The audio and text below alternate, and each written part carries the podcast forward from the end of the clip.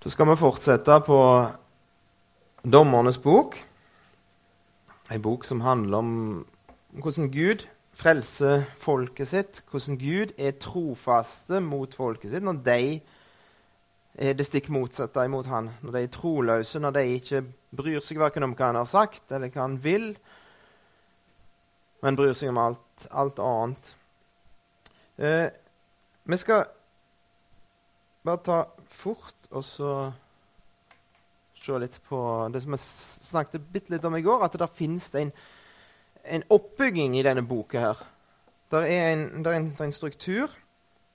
Og det var ganske tydelig, uten at Anders nevnte det direkte, så er det en, en parallell mellom Otniel og Samson, der, der, Sam, der Otniel blir velsigna av at uh, hun som han forelsker seg i, hun som han vinner seg som kona si, det er ei bra, bra dame som fører til godt i livet hans. Og så er det en direkte parallell, en motsetning, i Samson, der han gifter seg med hedenske koner. Og så viser de seg å være undergangen hans. Og noen av de samme motsetningene ser vi i den fortellingen vi skal se på i dag. Det er fortellingen om Ehud. Og Det skal vi lese fra, fra Dommernes bok, kapittel 3, og vers, vers 12. Men Israels barn fortsatte med å gjøre det som var ondt i Herrens øyne. Og Herren ga Eglon, kongen i Moab, makt over Israel fordi de gjorde det som var ondt i Herrens øyne. Han fikk med seg Ammons barn og Amalek og dro ut og slo Israel, og de inntok Palmebyen. Israels barn tjente Eglon, kongen i Moab, i 18 år. Da ropte Israels barn til Herren, og Herren oppreiste en frelser for dem. Benjaminitten Ehud, Geras sønn, en keivhendt mann. Israels barn sendte ham en gang med en gave til Eglon, kongen i Mohab. Da laget Ehud seg et tveegget, alenlangt sverd og bandt det om seg under klærne på sin høyre side. Så førte han gaven fram til Eglon, kongen i Moab. Men Eglon var en meget fet mann. Da Ehud hadde gitt gaven fra seg, lot han folkene som hadde båret gaven, dra hjem. Men selv snudde han ved avgudene ved Gilgal og lot si:" 'Jeg har et hemmelig ord til deg, kong. Da sa kongen, 'Hysj!' Så gikk de ut, alle de som sto hos ham, og Ehud kom inn til ham mens han satt alene i sin kjølige sal på taket. Og Ehud sa, 'Jeg har et ord fra Gud til deg.' Da reiste han seg opp fra stolen. Men Ehud rakte ut sin venstre hånd og tok sverdet fra sin høyre side og stakk det i magen hans. Håndtaket fulgte bladet inn, og fettet lukket til om bladet, for han dro ikke sverdet ut av livet på ham. Det stakk ut på baksiden. Og Ehud gikk ut i forhallen, og han lukket døren til salen hvor han var, og låste den. Og da han var gått ut, kom tjenerne inn. Da de så at døren til salen var låst, sa de, han har nok et visst ærend i svalkammeret. Og de ventet meget lenge, men han lukket ikke opp døren til salen. Da tok de nøkkelen og lukket opp, og se, deres herre lå død på gulvet. Mens de ga seg tid, slapp Ehud bort. Han var allerede kommet forbi avgudene og kom fram til Seira. Da han kom dit, blåste han i hornet på Efraimfjellet. Israels barn fulgte ham ned fra fjellet, han gikk selv foran dem. Og han sa til dem, Skynd dere etter meg, for Herren har gitt deres fiender, moabittene, i deres hånd. Så dro de ned etter ham, og de besatte vadestedene over Jordan til Moab og lot ingen komme over. Den gang hogg de ned omkring 10 000 mann av Moab, alle sterke og djerve menn. Ikke én slapp unna. Så ble da Moab på den dagen ydmyket under Israels hånd, og landet hadde ro i 80 år. Etter ham kom Shamgar, Anats sønn. Han slo 600 mann av filistrene med en oksedrivers stav. Også han frelste Israel. Israels barn fortsatte med å gjøre det som var ondt i Herrens øyne. Hva var det de gjorde for noe? Hva var det de gjorde som var ondt i Herrens øyne? Det står ikke i, i, her, men det har Dommernes bok allerede fortalt oss. I, hvis vi leser i kapittel 2, vers 17, f.eks. Men heller ikke mot sine dommere var de lydige. De var troløse og drev hor med andre guder og tilba dem.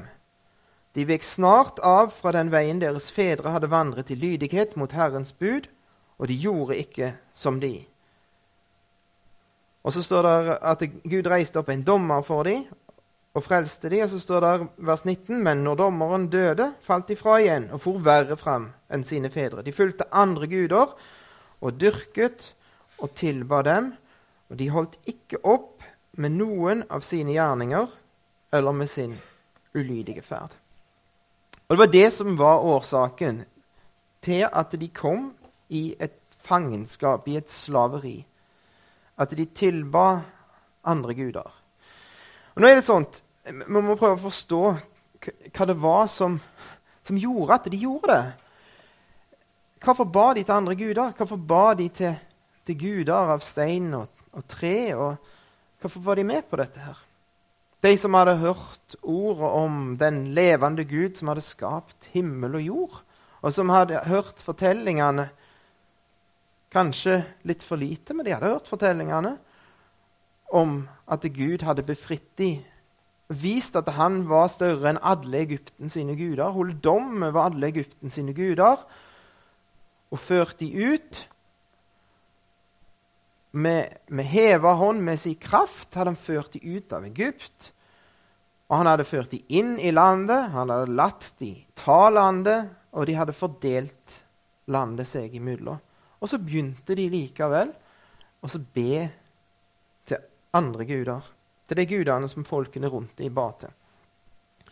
Hvis vi ser på, på dette kartet her, så ser vi at Moab, som det er snakk om her, de bodde her nede til, til høyre.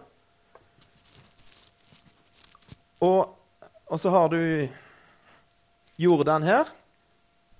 Og så her er Benjamin. Her bodde en eller annen plass bodde Ehud. Og Moabittene de slo seg sammen med ammonittene, og så undertrykte de Israel. Men hva, hva for begynte Israel å be til gudene, til disse folkene som bodde rundt dem, og de som bodde der.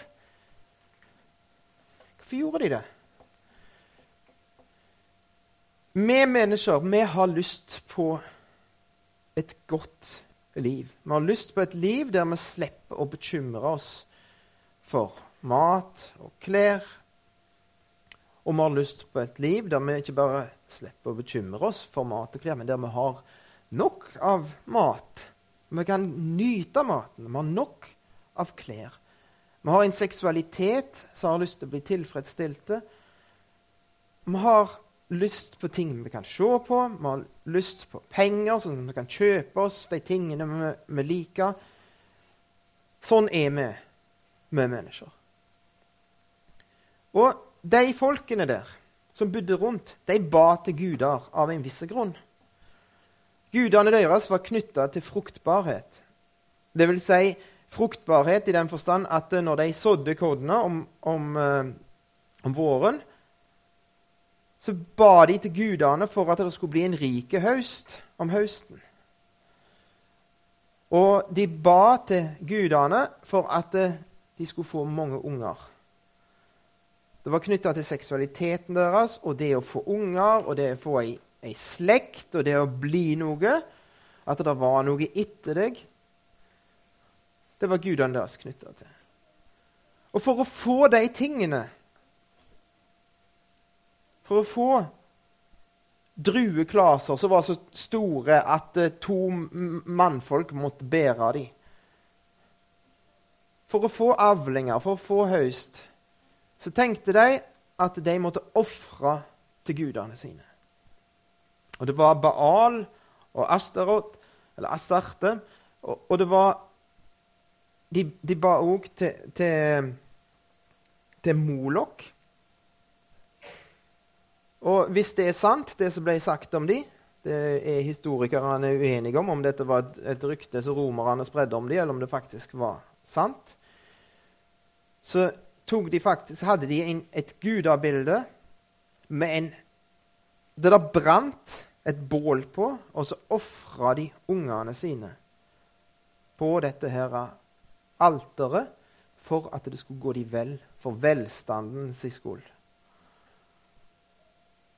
Og det er noe av årsaken, denne avgudsdyrkelsen deres. Denne, der de, de, det kosta de noe. Det kosta de til og med ungene deres å få den velstanden de ville ha. Å få den, det gode livet.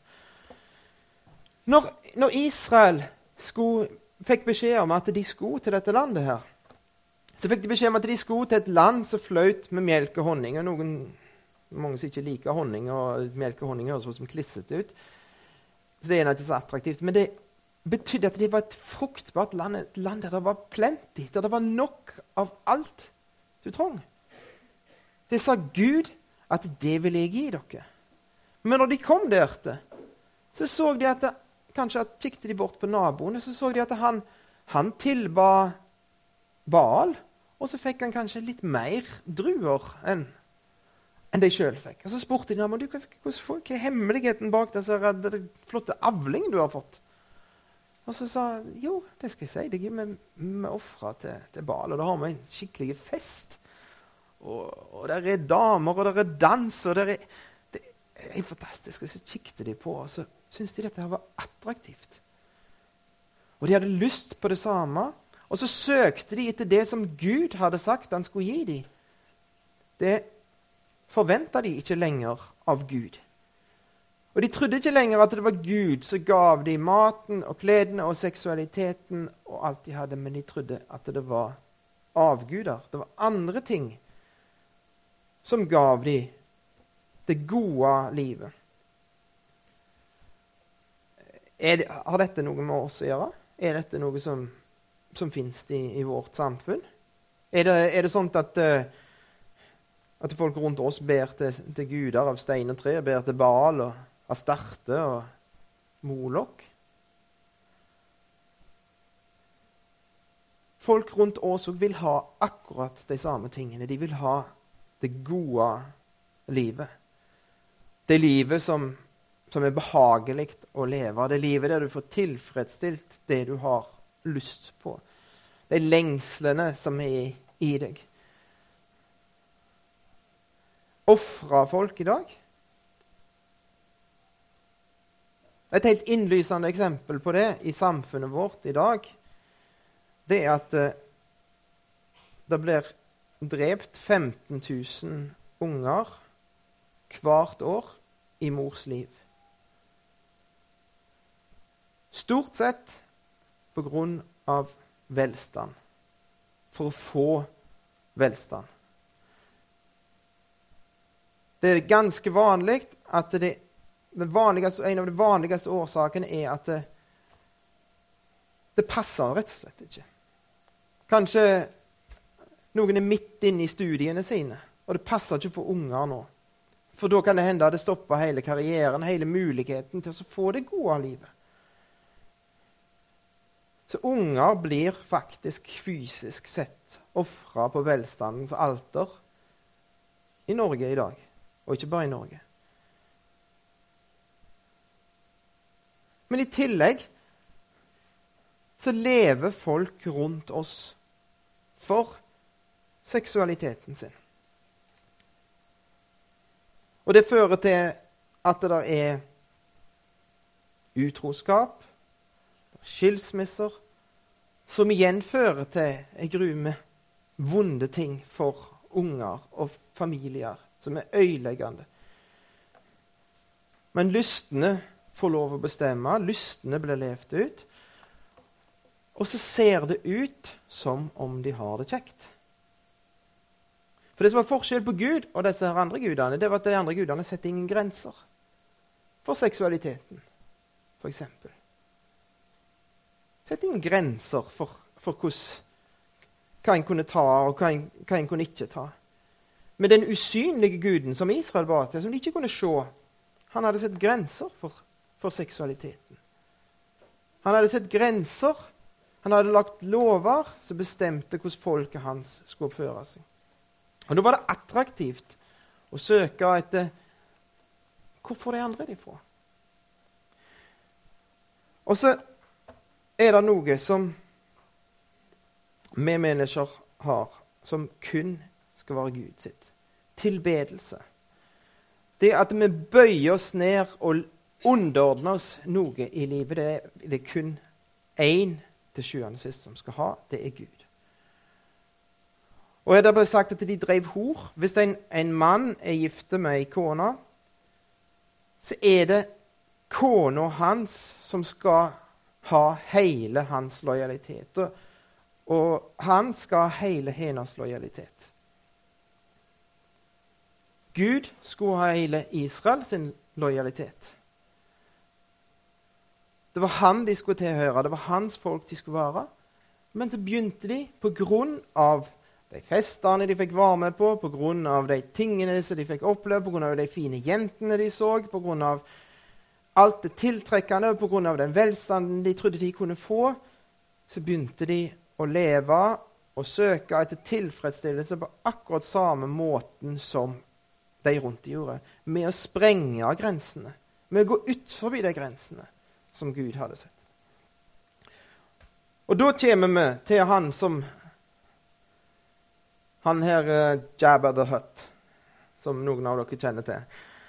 Han Eglon. En meget fet mann. En mann som hadde, ikke hadde sett noen slags grenser for hva han stappet i seg. Jeg har litt av de samme tendensene sjøl. Men han hadde, han hadde stappet i seg. Han hadde ete den maten han kunne. Han hadde drukket vin. Han hadde fylt seg opp med, med alt han kunne. Det var ingen grenser, og det viste på hele mannen. En mann som var prega av nytelse.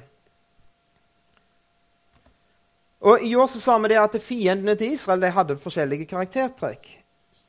Eh, forrige, det forrige fangenskapet de var i, det var under en som var fra Mesopotamia, som heter Kushan Rishataim, står der i, i vers 8. Og Det betyr Kushan, den dobbelt onde. Og Det er lite sannsynlig at det var mammaen hans som gav han, eller faren, pappaen hans gav han det navnet når han ble født. Kushan den dobbelt onde. Det var nok et tilnavn han fikk pga. det livet han levde, akkurat som Eirik Blodøks.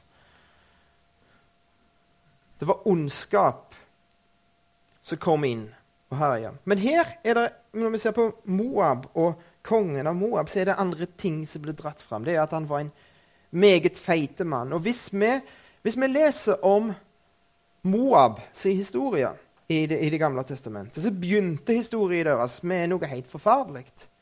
Med seksualitet fullstendig på avveier.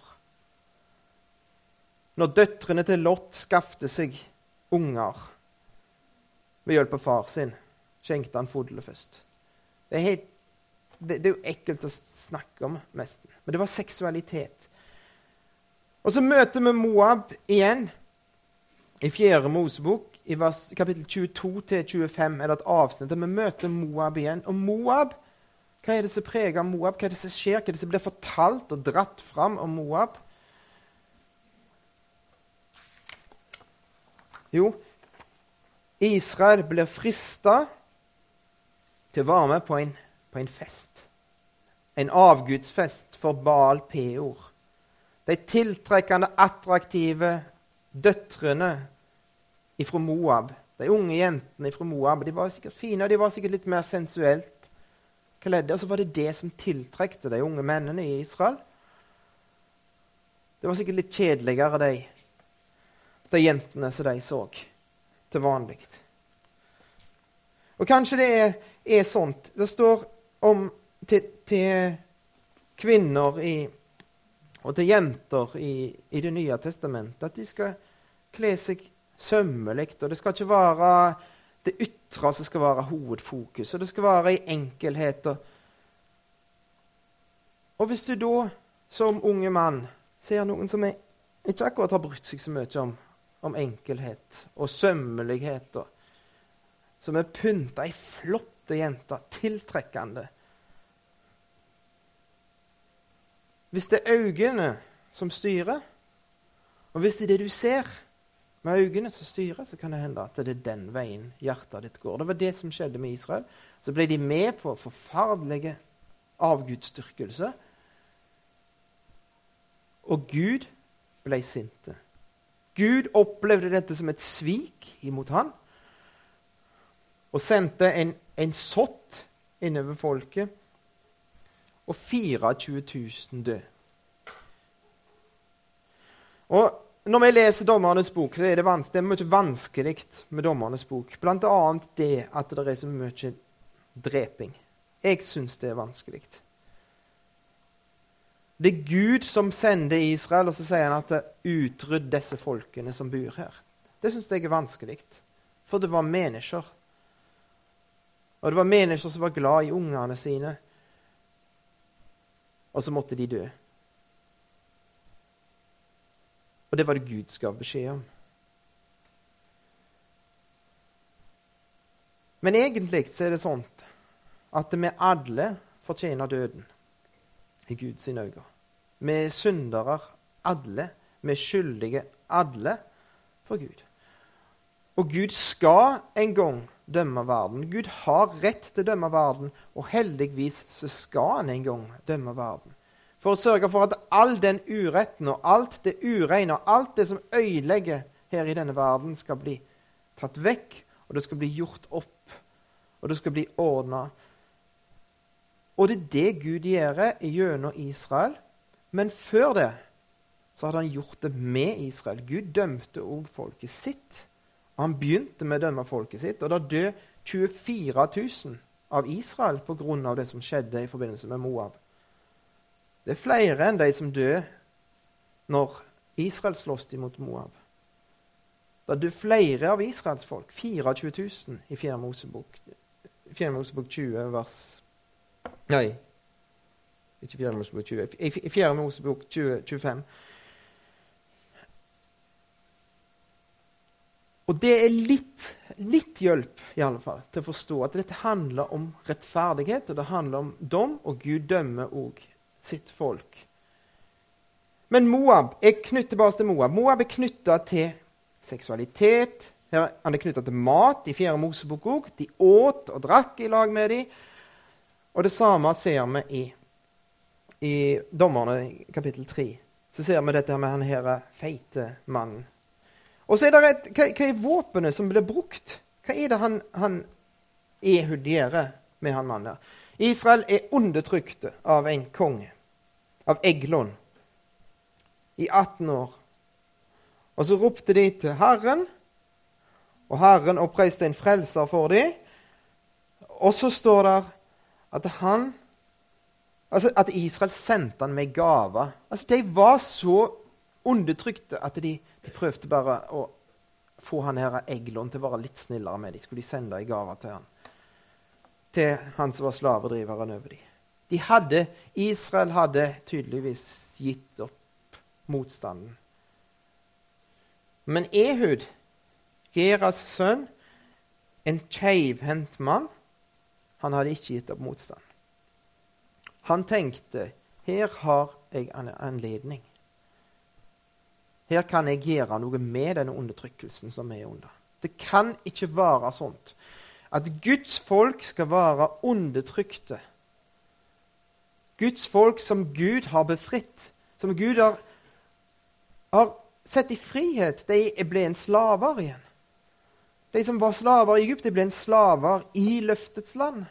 Og så kan det være med oss som kristne òg. Det kan komme ting inn i livet vårt personlig.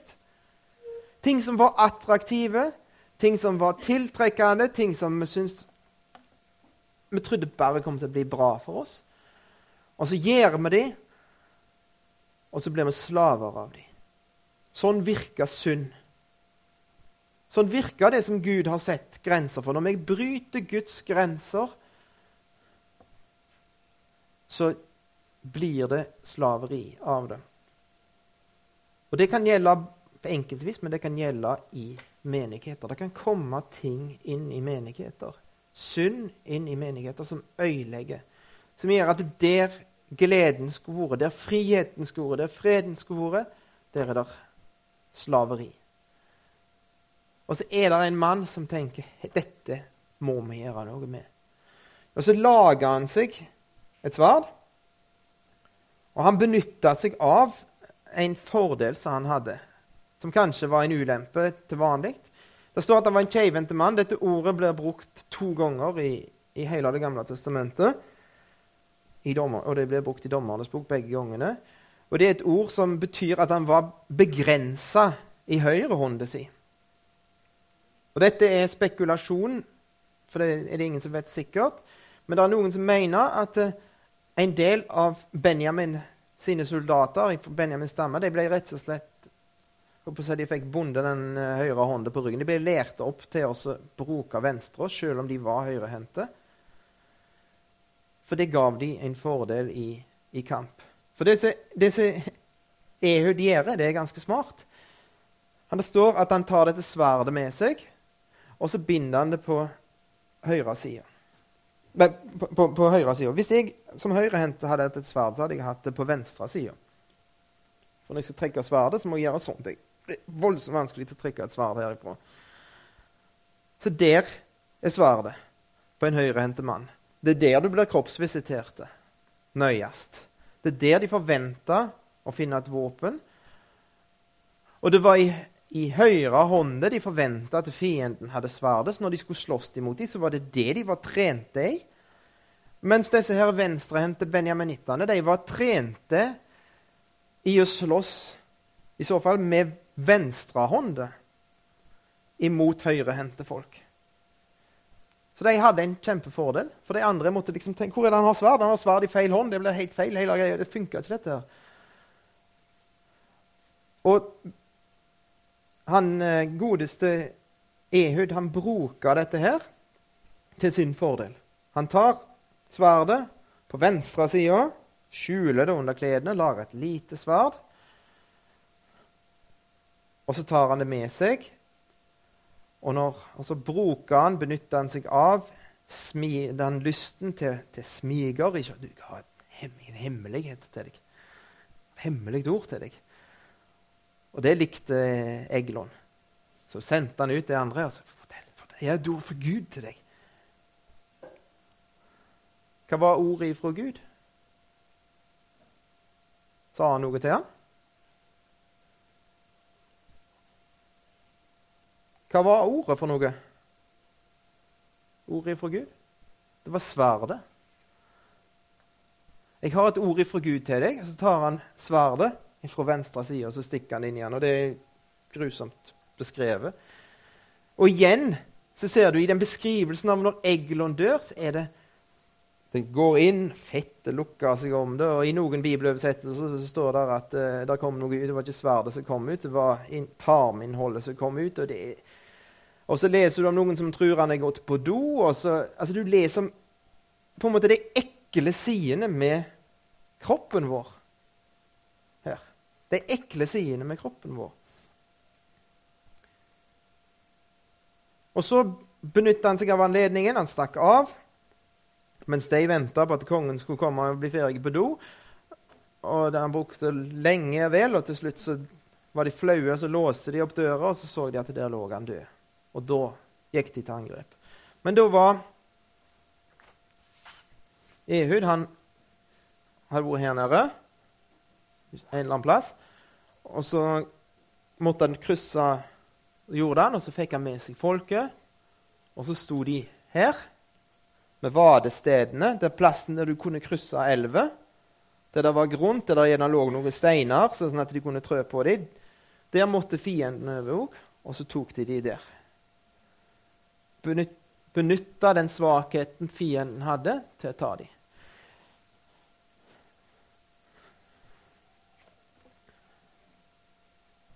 Eglon feite med kroppen, med kroppslige lyster, kroppslige behov. I Det nye testamentet så leser vi om et uttrykk som, som heter kjøtet, eller kjødet, står der i min bibel.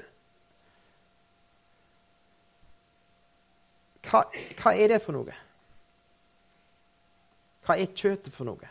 Når vi leser, så ser vi, og Hvis du leser inn i 2011-oversettelsen, så ser du at de har ofte oversett det med kroppen vår, eller med kjøtt og blod. Og da kan du begynne å lure er det noe gale med, med kroppen vår. Er kroppen vår noe, noe feil? Og det er det folk opp gjennom som har tenkt, og det er folk i dag som framstiller det sånt. At kristendom handler om kun om det åndelige, og kroppen vår er et problem, og heldigvis skal vi bli, kvitt den en dag. Men hvis vi leser i Det nye testamentet, så ser vi at det er ikke helt sånt. For at Gud ble menneske og fikk en kropp. Og gikk rundt her på jorda med en kropp. Og sto opp igjen ifra de døde og sitter nå med Guds høyre hånd. Med en kropp. En menneskekropp. Så det er ikke noe gale med kroppen i seg sjøl. Kroppen er en del av det å være menneske. Og det er noe Gud har skapt. Det vil si at matlysten vår er noe Gud har skapt. Det at vi liker å se på fine ting, er noe Gud har skapt og gitt oss. Seksualiteten vår er noe Gud har skapt. Lysten til å ha det varmt og komfortabelt og behagelig og trygt er noe Gud har skapt i oss. Det er naturlig, og det er godt. Likevel så snakker Det nye testamentet og Det gamle for så vidt om kjøttet som noe negativt. Det står om lystene i kjøttet, og det står om, om fruktene av kjøttet bl.a. i Galaterbrevet, som er bare elendighet og stygge ting, øyeleggende ting, som kommer ifra det.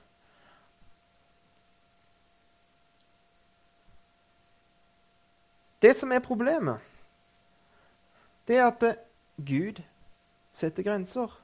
Gud har gitt oss matlyst.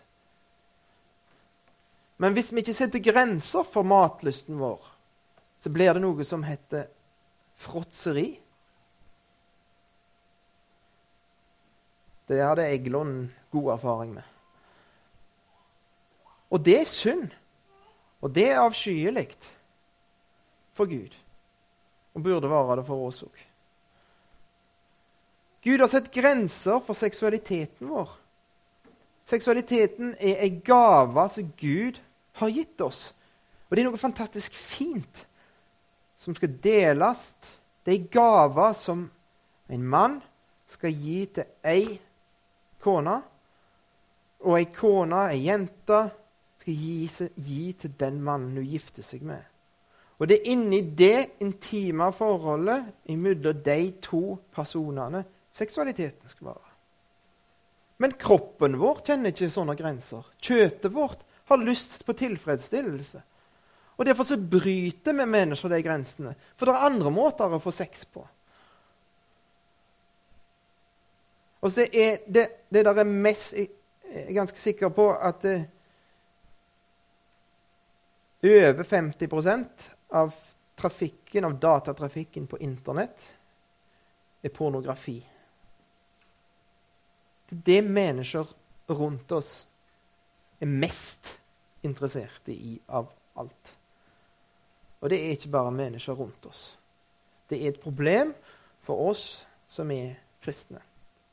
At kjøttet vårt, med de lystene det har til tilfredsstillelse, søker den tilfredsstillelsen utenfor de grensene Gud har sett. Og så er det attraktivt, og det er tiltrekkende. Og det er tiltrekkende med penger, og det er tiltrekkende med makt, og det er tiltrekkende med god mat i store mengder og leve et liv i luksus.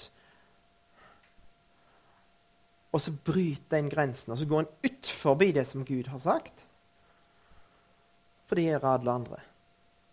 Det er det alle andre gjør. Og det ser faktisk ut som de har det litt kjekt når de holder på med det. Og det er det vi ser på film, og det er det vi leser om, og det er det vi blir utsatt for. Akkurat som de. De bodde midt iblant folk som levde på en helt annen måte enn de skulle leve på. Og det gjør vi òg. Vi òg lever midt iblant folk som lever på en helt annen måte enn det vi har fått beskjed om. Og så bryter vi grensene. Så brøt de grensene. Så brøt de grensene. Og så ble det som var så attraktivt, det som så, så så fint ut, det som var så tiltrekkende, det endte opp med å bli et slaveri for dem. Det ble ei øyeleggende kraft inn i livet deres. Altså, Gud tillot det for at de skulle se at dette var faktisk et problem. Gud tillot at de ble slaver, de som skulle være frie. Og Hvis vi slår opp i Kolosserbrevet kapittel 3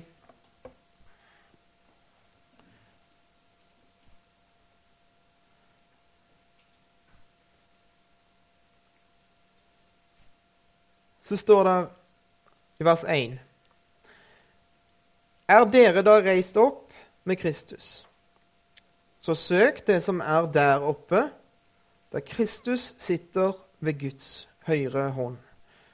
La deres sinn være vendt mot det som er der oppe, ikke mot det som er på jorden. Det som er der oppe, der Kristus sitter med Guds høyre hånd, det er usynlig for oss. Og For at eh, vi skal kunne være opptatt med det, så kan ikke det skje med at vi kikker rundt. Det skjer i tankelivet vårt. La deres sinn være vendt mot det som er der oppe. La tankelivet ditt dreie seg om det som er der oppe, ikke det som er på jorda. For hvis det jeg er opptatt av, og det jeg fyller tankelivet mitt med, er det som filisterne holder på med, det som edomittene holder på med, det som moabittene holder på med, eller kanskje det som noen av de fiendene som er midt inne i landet, som aldri skulle ha vært der som jeg har tillatt å komme inn i livet mitt, og få plass i livet mitt, som jeg har tillatt å få plass i menighetene våre, i familiene våre. Ting som aldri skulle ha vært der, men som får lov å være der og være en stadig fristelse. Hvis det påvirker meg, så er det det som behersker meg. For han som sitter ved Guds høyre hånd, han sitter ikke der sånn som han, Jan Harald sa, opp så fint. Han sitter ikke der for å lese aviser. Han sitter der for å regjere over folket sitt. Det er han som skal ha vår lojalitet. Er vi kristne, hører vi han til, så betyr det at det er Kristus som skal ha vår lojalitet. Og som Ei som er forlova, har lojalitet til han hun er forlova med, så skal vi være trofaste imot han, og da må vi være opptatt med han. La sinnet være vendt mot det som er der oppe. Men så står det i vers 5.: Så død da deres jordiske lemmer, utukt, urenhet, syndig lidenskap, ond lyst og pengegriskhet som er avgudsdyrkelse. På grunn av disse ting kommer Guds vrede over vantroens barn. Utukt, urenhet, syndig lidenskap, ond lyst, pengegriskhet det er akkurat de samme tingene som lå bak avgudsdyrkelsen som kanoneerne, moabitterne, ammonittene, filisterne og de andre holdt på med akkurat de samme tingene fysisk direkte én til én. Og det er akkurat de samme tingene som preger verden rundt oss. Og det er akkurat de samme tingene som vårt kjøtt har lyst på. Hvis Gud ikke får lov å sette grenser for det, så har kjøttet vårt ingen grenser. Det vil bare ha tilfredsstillelse. Det vil ha seks mer seksualitet enn det Gud har. Og det bryr seg ikke Gud har sagt at det, skal ha. Og det bryr seg ikke om hva som er rent og ikke. Det ureine òg er jo fint. Og syndig lidenskap, et følelsesliv, et lidenskapsliv som går utover det som er, er tillatt. Og lyst ikke bare til det gode, men òg det, det, som er, er vondt. Og pengegriskhet. Ha mer sjuke, som det egentlig betyr. Lysten til å ha, alltid få mer. For det er ikke nok, det du har. Du må få mer. Det er det som preger kroppen vår, kjøttet vårt. Og Det står der her. Ta livet av det. Ta knekken på de tingene i livet ditt. Hvordan i all verden skal vi gjøre det? Hva våpen skal vi bruke for å ta livet av det? Hva brukte Ehud? Han brukte et sverd. Og på en eller annen måte så sverd, kalte han det sverdet et ord til kongen. Det er litt merkelig at det er akkurat det som blir fortalt oss. Spesielt hvis vi har lest Det nye testamentet. Spesielt hvis vi har lest Hebreabrevet, kapittel 4. Vi slår opp i Hebreabrevet 4, vers 12. For Guds ord er levende og virksomt og skarpere enn noe tveegget sverd. Det trenger gjennom helt til det kløver sjel og ånd, ledd og marg, og det dømmer hjertets tanker og råd. Og ingen skapning er skjult for ham. Alt ligger nakent og bart for hans øyne, som vi skal stå til regnskap for. Guds ord er et sånt sverd. Som Ehud sitt sverd. Og det Ehud hadde lært seg å bruke dette sverdet. Han hadde lagd seg et sverd. Han hadde forberedt et sverd til han skulle møte denne kongen. På samme måten, hvis vi skal bruke dette sverdet, så må vi faktisk bli kjente med det. Vi må lære oss dette. Men det er ikke bare dette vi må lære oss dette ordet og lære oss i gru med teoretiske kunnskap ifra Bibelen, for det må vi. Du kan ikke bruke Guds ord uten å ha teoretiske kunnskap om det men vi må òg anvende det. Det ordet her som vi leser om, og den kunnskapen som vi har samla oss her oppe, den må faktisk anvendes på lystene våre, på kjøttet. Sånn at vi dreper. Vi lar det ordet dømme. Vi leser i Dommernes bok. Gud dømmer folket sitt i Dommernes bok. Og Gud dømmer òg hedningefolkene. Og vi kan la Guds ord dømme de handlingene som ikke skal være i livet vårt. Felle dom over dem. Si at dette skal vekk. Dette må vekk ifra livet. Så har Guds ord ei kraft i seg. Hvis Guds ord får virke på oss, får lov å slippe til og bli anvendt i livet vårt, så er det en virkning i det.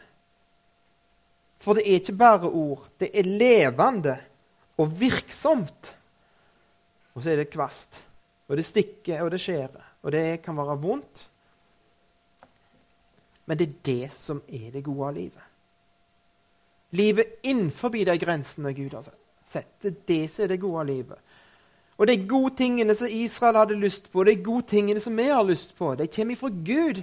De kommer ikke fra avgudene. Det er Han som gir oss alt godt vi har lyst på. Og vi må slutte å tro på den løgnen som djevelen fortalte, som slangen fortalte i hagen, at Gud er den store gledesdreperen. For det er det vi tror hver eneste gang vi synder, hver eneste gang vi lar kjøttet få lov å gå ut forbi grensene sine. Så er det for at vi tror på ei løgn om at Gud er en gledesdreper. At hvis jeg heller meg innenfor hans grenser, så går jeg glipp av noe som er så kjekt og så fint og så tilfredsstillende. Men det jeg egentlig går glipp av, det er slaveri. For det er Gud som gir oss alt godt vi trenger. Og Guds ord og den bevisstheten om at livet mitt der er en himmel der oppe. Der er en Gud i himmel som ser. Og alt ligger nakent og bart for han. Det kan hjelpe oss i vårt liv å vinne seier over de fiendene som undertrykker oss. Men ikke bare det.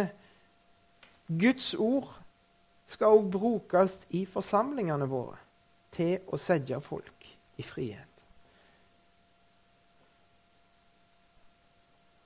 Noen av dere har, står på talerstoler og forkynner. Noen av dere er hyrder, eldste.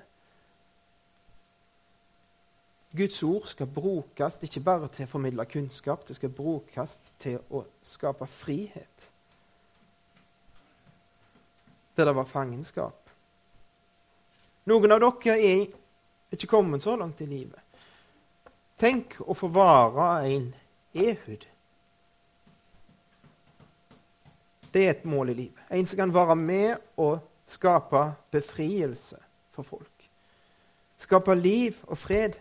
De hadde ro i 80, nei, 40 år. Landet hadde ro i 40 år på grunn av den handlingen som Ehud gjorde. Og det trengs ehuder i dag òg. Det trengs sånne folk som reiser seg opp og tar sverdet i hånda. Åndens sverd, som er Guds ord, Efeserbrevet 6. Og i Guds kraft slåss imot de øyeleggende kreftene sånn at det kan bli frihet, glede, takknemlighet, tilbedelse til Gud. Og nå kommer jeg aldri til Jefta. Og det var like greit. Takk, far, for at du har gitt oss våpenet som trengs.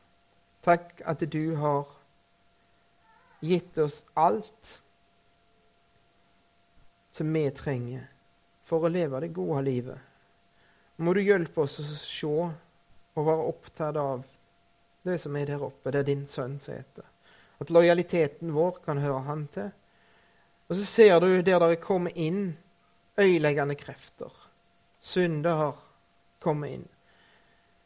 Det som er rundt, er blitt så tiltrekkende, og så har det begynt å øyelegge. Må du gi frihet. Må du reise opp folk som kan være med og sette folk i frihet. At ditt folk kan leve til de gjør.